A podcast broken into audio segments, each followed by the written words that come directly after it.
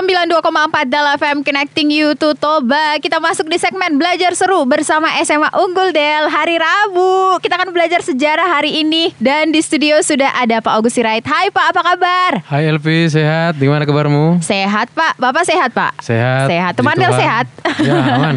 Aman ya Oke deh Hari ini menarik teman Del Kalau kemarin kita udah belajar tentang cara berpikir sejarah Sekarang kita mulai agak berat dulu nih materinya ya Pak ya Ya, Iya, karena ini berpengaruh sama peradaban di Indonesia juga, yaitu tentang kedatangan bangsa Eropa. Kira-kira mulai kapan sih Pak bangsa Eropa datang ke Indonesia? Dan Baik. apa maksudnya gitu loh? oke baik Elvi. Eh, selamat sore sahabat Del, khususnya kelas 11 SMA ya.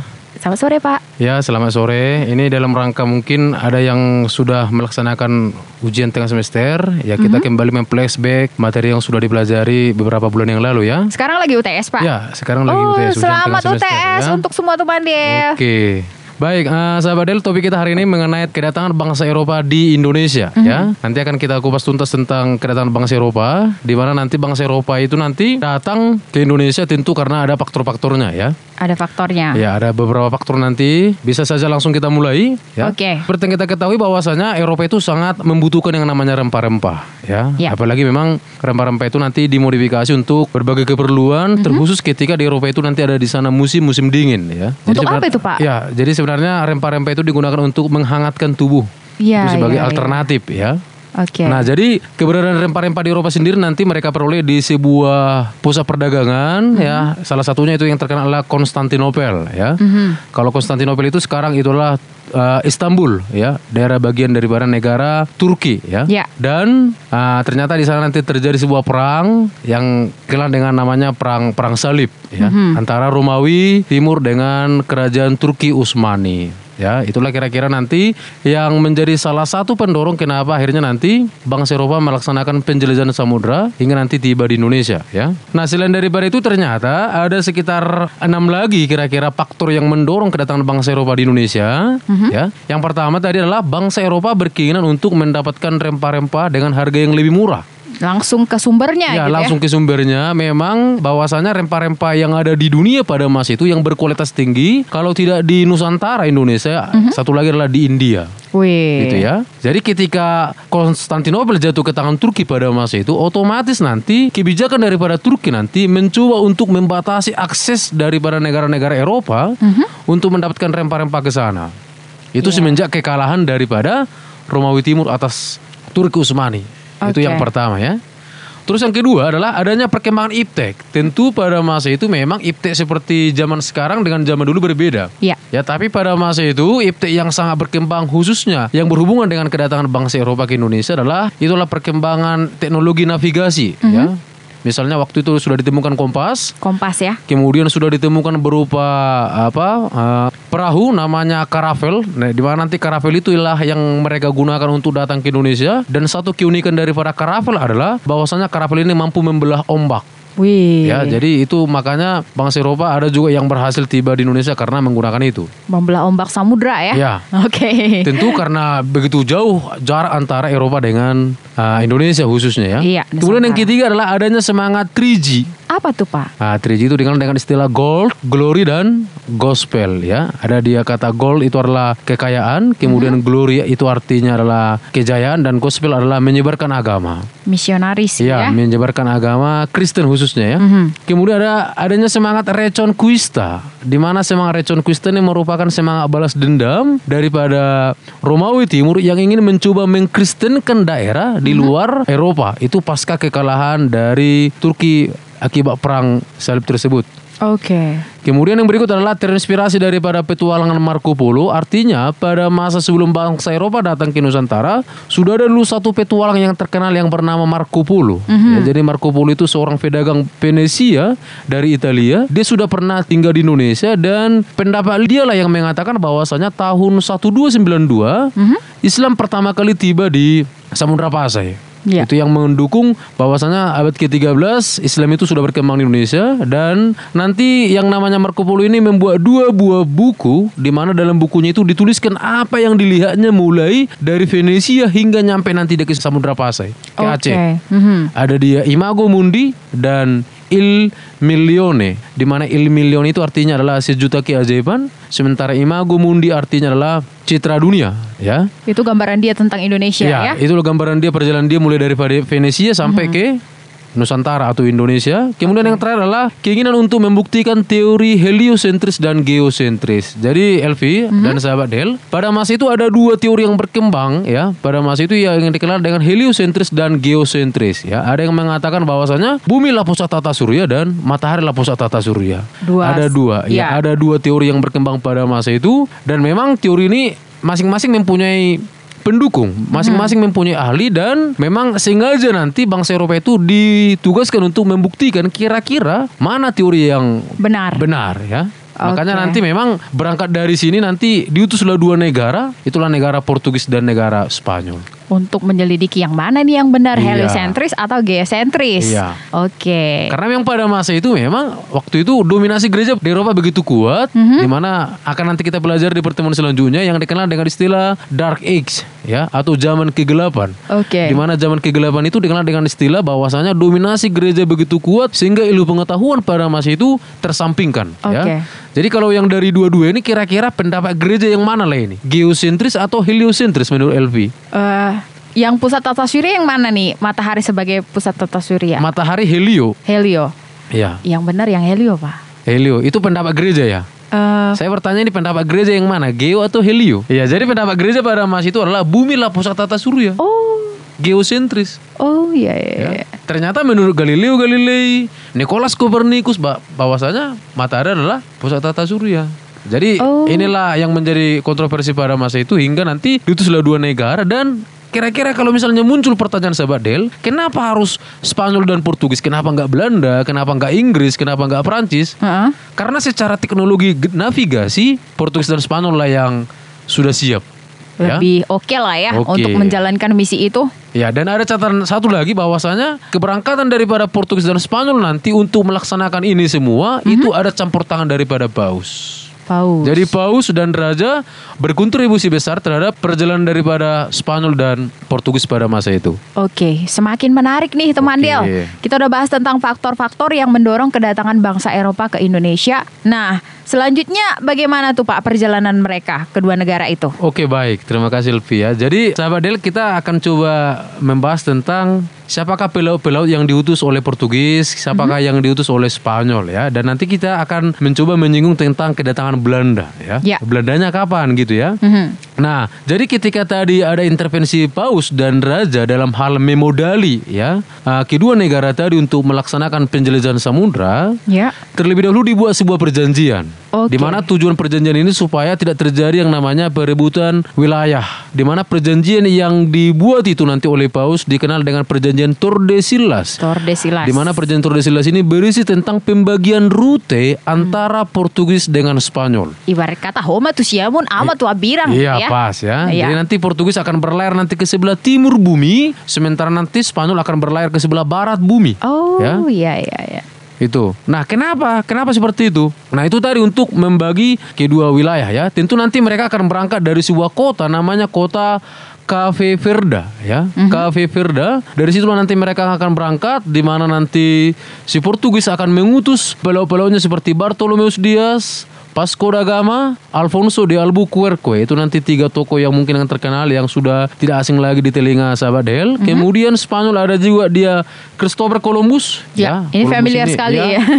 Kemudian Ferdinand de Magelhaens dan Sebastian de Elcano. Ya, itulah nanti para pelaut-pelaut yang akan mencoba untuk mewujudkan tadi semangat 3G, Mhm. kemudian membuktikan teori heliosentris dan geosentris tadi dan mencari Indonesia dan India karena memang dalam hati mereka Mhm. di manakah sebenarnya Indonesia itu dan di manakah sebenarnya India itu. Oke. Ya.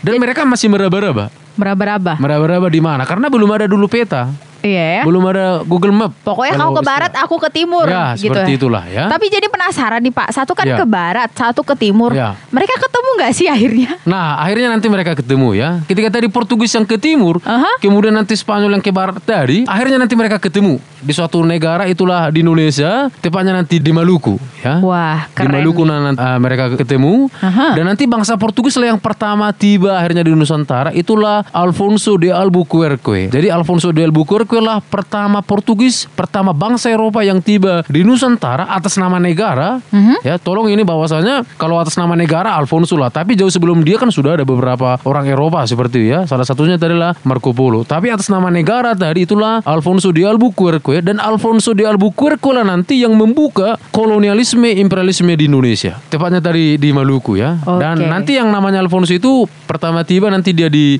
di Malaka sebenarnya ya. Malaka. Dan dia mengira Malaka itu Maluku. Oh, itu Gitu ya. kesalahannya. Bahwasanya memang pusat rempah-rempah itu adalah di Maluku.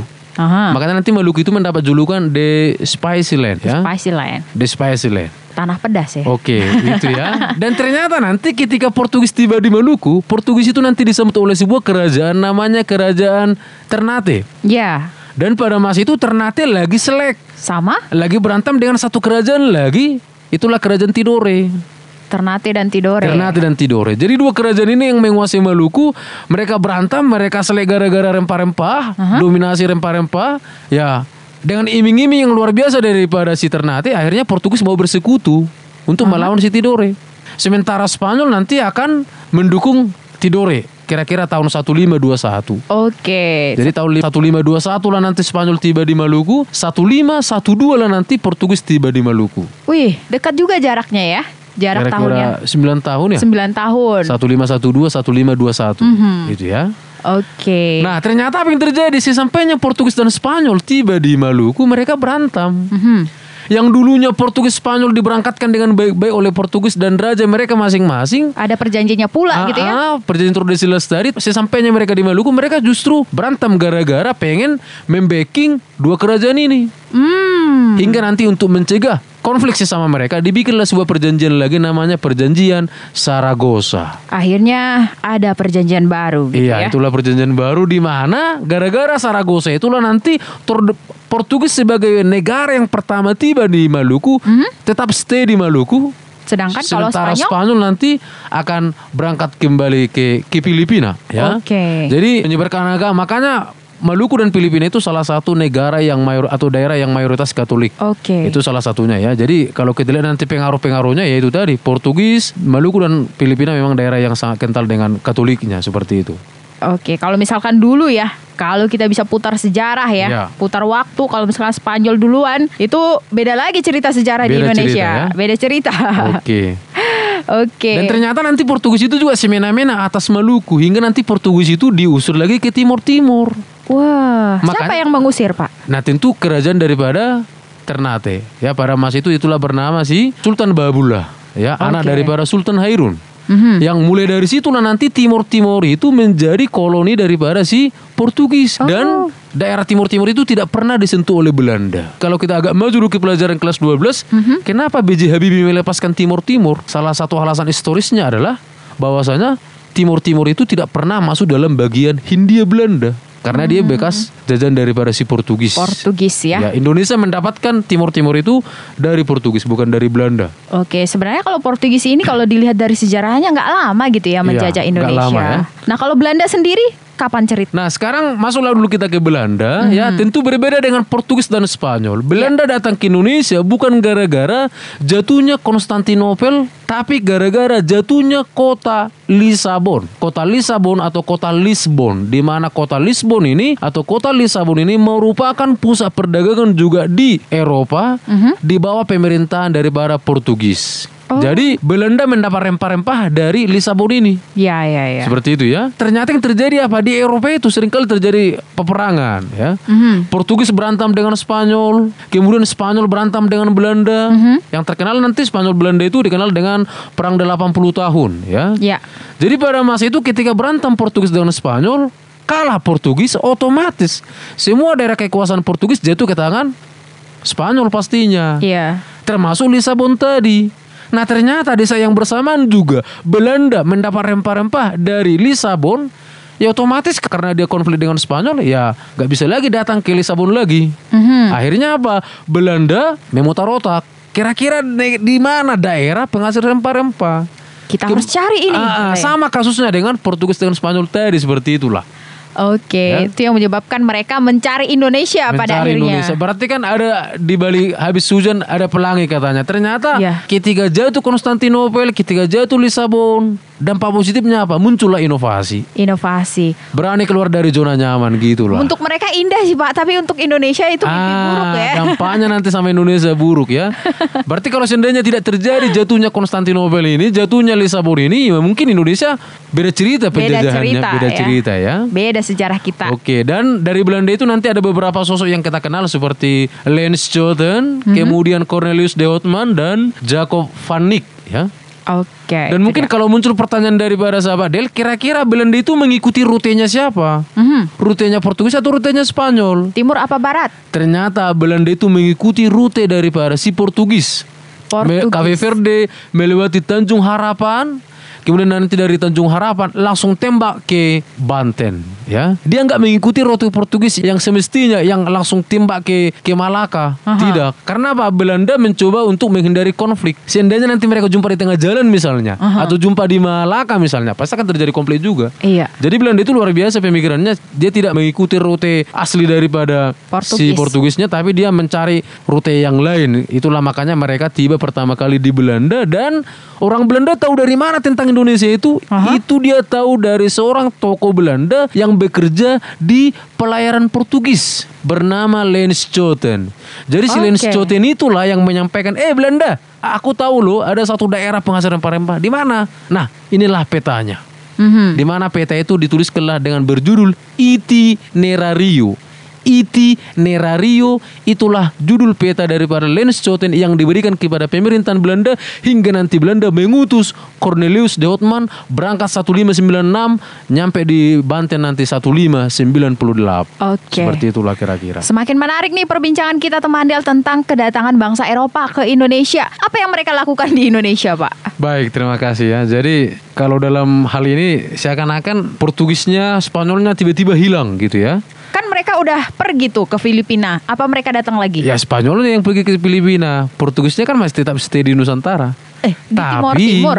Ya, Ah. tapi karena begitu besar pengaruh Belanda, seakan-akan Portugisnya, Spanyol yang merupakan negara yang pertama tiba di Nusantara, seakan-akan Mhm. hilang sosoknya gitu. Justru Belanda yang semakin dalam tanda kutip bernafsu untuk menguasai Nusantara Iya. ya berkat daripada Cornelius de Houtman tadi.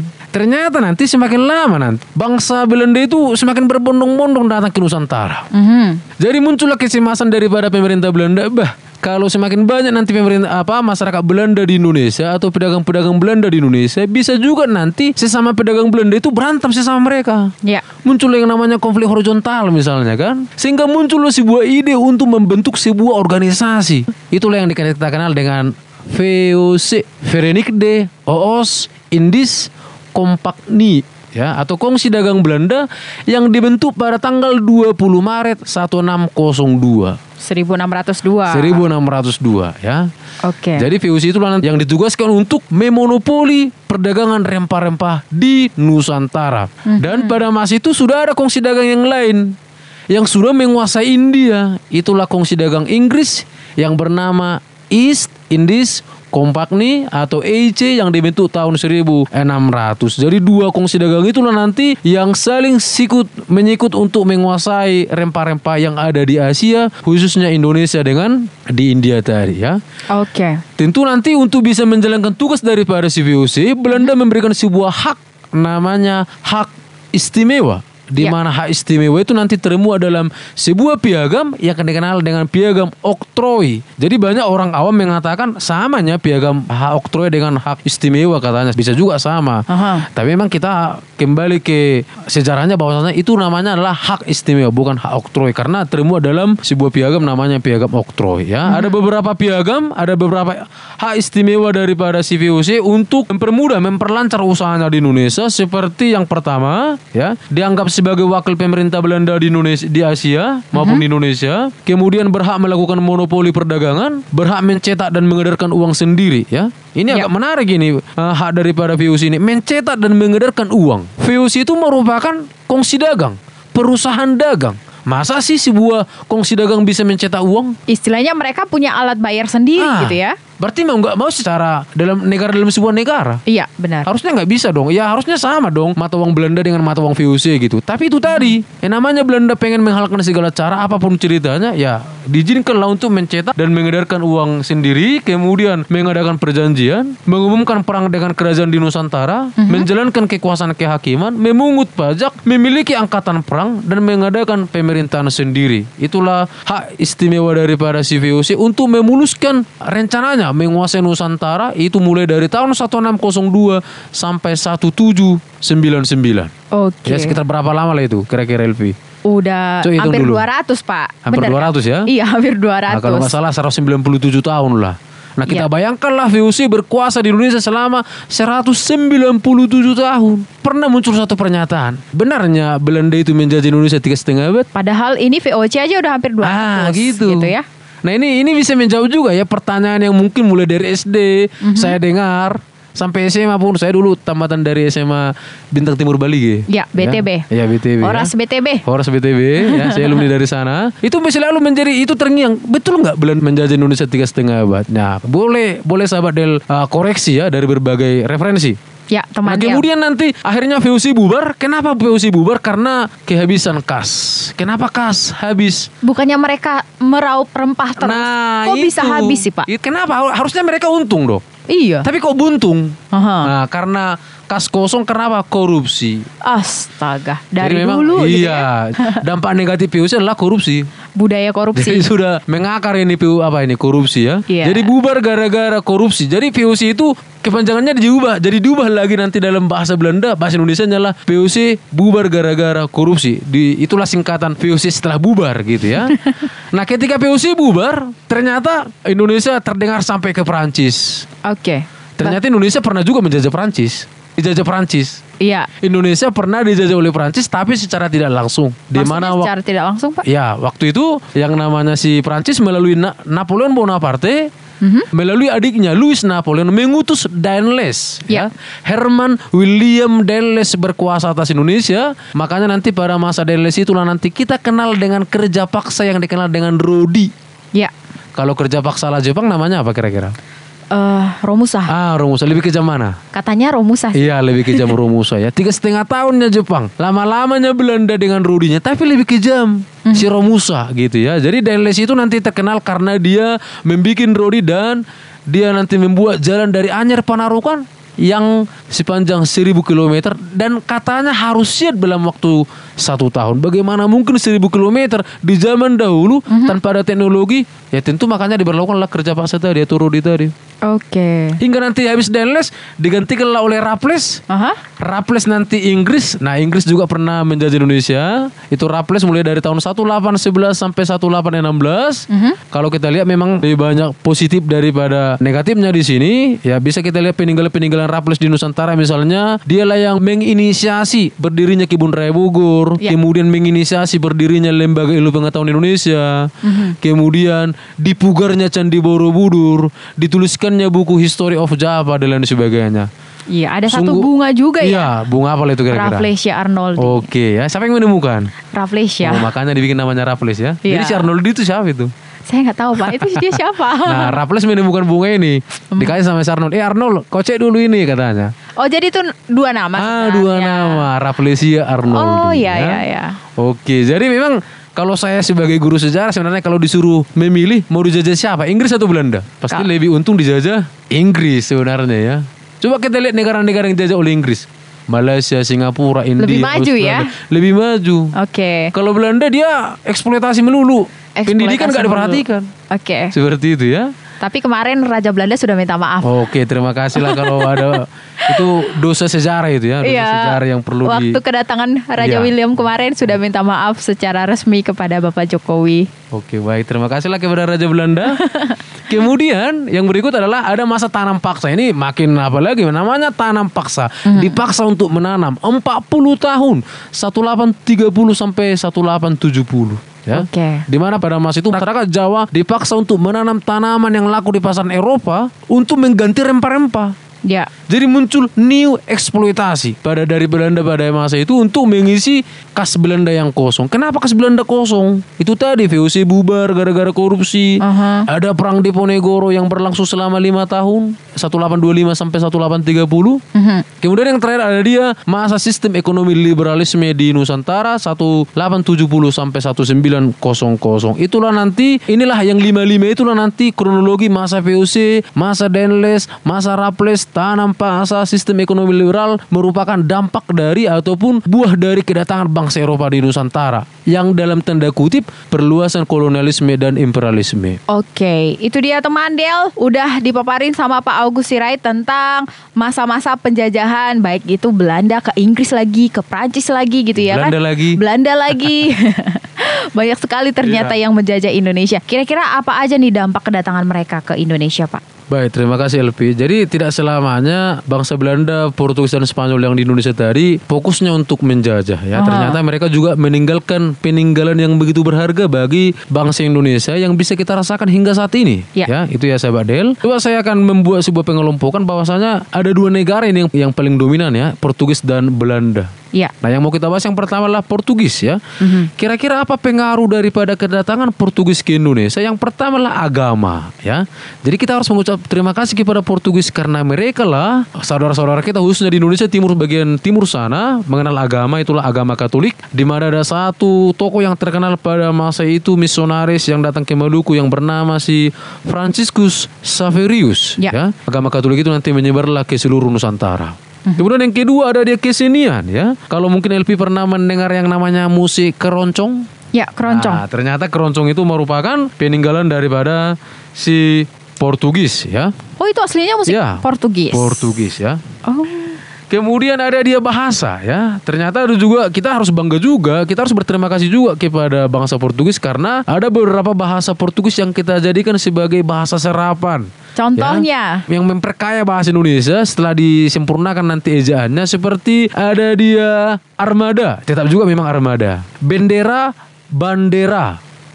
Gereja, igreja. Oh, itu dari Lemari, almario. Minggu, domingo. Misa, misa. Sepatu, sapato. Nah Oh. ternyata itu nanti setelah mengalami perubahan ejaan yang disempurnakan dan sebagainya mungkin guru bahasa Indonesia nanti akan membuat sebuah sejarah bahasa Indonesia mulai dari tahun berapa sampai tahun berapa ya akan di, dimasukkan nanti itu ya. Oke, Kemudian yang berikut ada dia pengaruh Belanda. Ini agak cukup lumayan ini. Yang pertama ada dia pendidikan ya. Jadi beberapa pendidikan ataupun sekolah-sekolah yang didirikan oleh Belanda pada masa itu memang pada masa penjajahan Belanda yang fokus Belanda itu yang boleh sekolah ah, hanyalah eh, bangsawan ya. Ya. Jadi tapi semenjak adanya Trias van de Venter atau adanya ideologi van de Venter, semua bangsa Indonesia boleh sekolah tanpa terkecuali. Makanya nanti banyaklah sekolah-sekolah berdiri ya sehingga nanti salah satu tokoh Indonesia nanti yang mendirikan sekolah khusus untuk orang pribumi itulah yang bernama Ki Hajar Ki Hajar Dewantara. Dewantara, ya. Takut-takut nih yang ya. dikenal sebagai Bapak Pendidikan Indonesia. Kenapa dia dikenal sebagai Bapak Pendidikan Indonesia? Karena dia lah orang pertama yang mendirikan sekolah khusus untuk orang pribumi namanya Taman Siswa. Ya. Oke. Dan selain daripada itu banyak juga sekolah buatan Belanda ya. Ada juga namanya nanti uh, LS, kemudian in Inland School, ada juga Mulo, ada HIS, ada Ospia, ada Nias, ada Stovia ya. Yang terkenal adalah Stovia itu dulu Stovia, sekarang itu FKUI, Fakultas Kedokteran UI. Oke. Jadi dulu namanya Stovia. Kemudian ada juga bahasa, banyak juga bahasa Belanda ini kita jadikan sebagai bahasa serapan bagi bangsa Indonesia, bahasa Indonesia. Ada knalpot, loket, nota, gratis, handel, opa, rekening, sigaret, ostafel, wortel dan lain sebagainya. Kemudian ada juga gaya hidup atau lifestyle Ya. ya. Jadi semenjak Belanda menguasai Indonesia, ya tentu gaya hidup kita juga sudah berubah ya. Misalnya ada sikap disiplin, menghargai waktu, demokratis, terbuka, kemudian perlahan-lahan nanti bangsa Indonesia semakin ke sininya semakin rasional ya. Ya. Kemudian ada juga yang berikut perkembangan agama Protestan ya. Mhm. Seka- Ya, kalau saya mendengar ini Protestan ini hubungannya dengan si Nomensen lah ya. Nah mungkin ada juga nanti yang bertanya-tanya bagaimana hubungan antara Nomensen dengan Protestan di Tanah Batak. Mungkin nanti bolehlah datang ke radio, ke radio Del FM ya. Tapi yang pasti pengaruh agama Kristen Protestan nanti khususnya itu nanti dibawa oleh para Belanda dengan para mengundang misionaris ya. Oke. Kemudian ada yang berikut di bidang ekonomi. Di bidang ekonomi itu nanti kita mengenal uang, kemudian sistem sewa tanah, kemudian kerja kontrak itu di bidang ekonomi. Kemudian di bidang politik, sistem birokrasi pemerintahan Indonesia saat ini juga merupakan warisan daripada Belanda. Misalnya bupati, camat, ya, Iya. gubernur, residen, ya. Satu-satunya yang enggak peninggalan Belanda itu adalah RT RW. RT RW itu itu di peninggalan daripada Jepang. Oh, aku Ya. kira itu buatan Indonesia ternyata Bukan, peninggalan, itu peninggalan Jepang. RT RW ya. Itu Rukun peninggalan tetangga. Jepang ya. Kemudian ada bidang hukum ya. Ini juga ya. Kalau eh, LP pernah dengar KUHP, apa sih kepanjangan KUHP? juga. Eh, tuh kan ditantangin nih Elvi. Kasih uang habis perkara. Oh enggak. Kitab undang-undang Hukum hukum pidana. Nah, gitu ya. Jadi eh, hukum Indonesia ini kan masih hukum kolonial ini. Aha. Sebenarnya kalau di Libur Indonesia yang sudah 75 tahun ini kalau boleh kasih saran kepada pemerintah ya, ini kita sudah bisa lah ya mengubah hukum kolonial menjadi hukum nasional ya supaya lebih pas dia ya. Supaya jangan nanti hukum eh, hukum tumpul ke atas, Tajam ke bawah. tajam ke bawah ya. Ini jadi belajar hukum ya. iya. Yang berikut. Ditantangin nih Elvi dari tadi nih. Oke, yang terakhir ada di bidang iptek ya. Tentu bidang iptek ini juga merupakan pengaruh daripada bangsa Belanda bagi bangsa Indonesia ya. Misalnya ada dia mengenal paham liberalisme, teknologi berbasis mesin, Iya. mengenal teknologi komunikasi dan informasi. Misalnya banyak juga perusahaan-perusahaan Belanda dulu yang sekarang menjadi dinasionalisasikan oleh Indonesia. Misalnya di Javas di Javas Cebeng, kemudian perkereta apian, kemudian maskapai penerbangan dan lain sebagainya ya. Dan mungkin jalan-jalan yang kita lewati ini misalnya rel kereta api misalnya yang Iya. ada di Medan, Medan Siantar, Medan Rantau Prapat itu itu dulu merupakan peninggalan Belanda yang digunakan untuk mengangkut hasil-hasil perkebunan. Sekarang sudah diubah menjadi untuk mengangkut manusia atau transportasi Iya. gitulah. Membantu transportasi di Oke. Indonesia. Intinya banyak juga peninggalannya ya. Banyak ya. Ada positifnya, ada negatifnya. Iya. Oke, itu dia teman Del. Kita udah bicarain. Sebenarnya ceritanya panjang, tapi Iya. udah dibikin singkat nih ya sama Pak Agus Sirait ya tentang pengaruh keberadaan bangsa Eropa di Nusantara.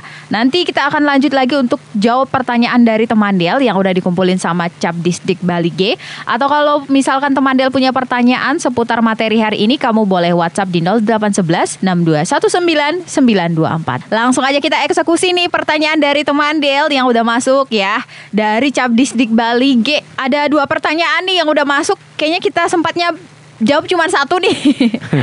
Oke, kita pilihkan satu ya. Mohon maaf. Tapi sebenarnya kalau misalkan teman Del menyimak dari tadi sudah terjawab Ya. sih pertanyaannya ya kan. Oke. Untuk kedatangan bangsa Eropa, kita mau sapain dulu ada Magdalena Huta Galung, kelas 11 SMA Negeri 1 Silain. Hora, selamat sore. Horas Madalena. Aha, Magdalena, tapi ini bukan si mentel-mentel ya kan? Oh. Pertanyaannya adalah Jelaskan latar belakang dan tujuan kedatangan bangsa Eropa seperti Portugis, Spanyol, dan Belanda ke Indonesia. Oke baik ya anak kayak Madalena tadi sudah jelas di awal tadi dikatakan Mhm. kalau ditanya tujuan kedatangan daripada ketiga negara itu hanya satunya mencari rempah-rempah atau motif-motif ekonomi ya kalau misalnya menyebarkan agama mencari kejayaan itu embel-embelnya itu ya. Embel-embelnya nya itu. Tujuannya utamanya adalah mencari rempah-rempah ekonomi ya. Tapi kalau ditanya latar belakang, Aha. tentu Portugis Spanyol dengan Belanda berbeda. Ya.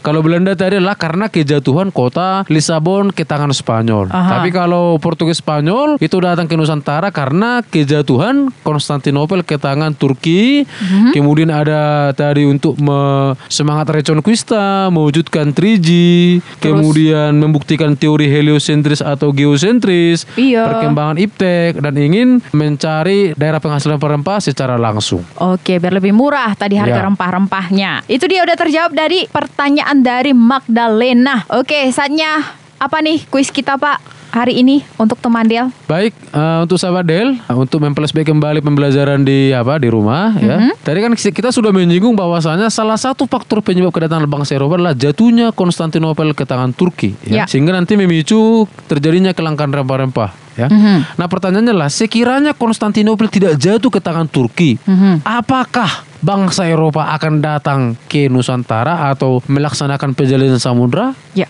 Nah, itu aja. uraikan Apakah analisismu. Di sini jawabannya tidak cukup hanya iya dan tidak. Saya butuh atau kita butuh uraian kenapa? Kenapa iya, kenapa tidak gitu. Jadi jawabnya pakai analisis ya Pak ya? ya.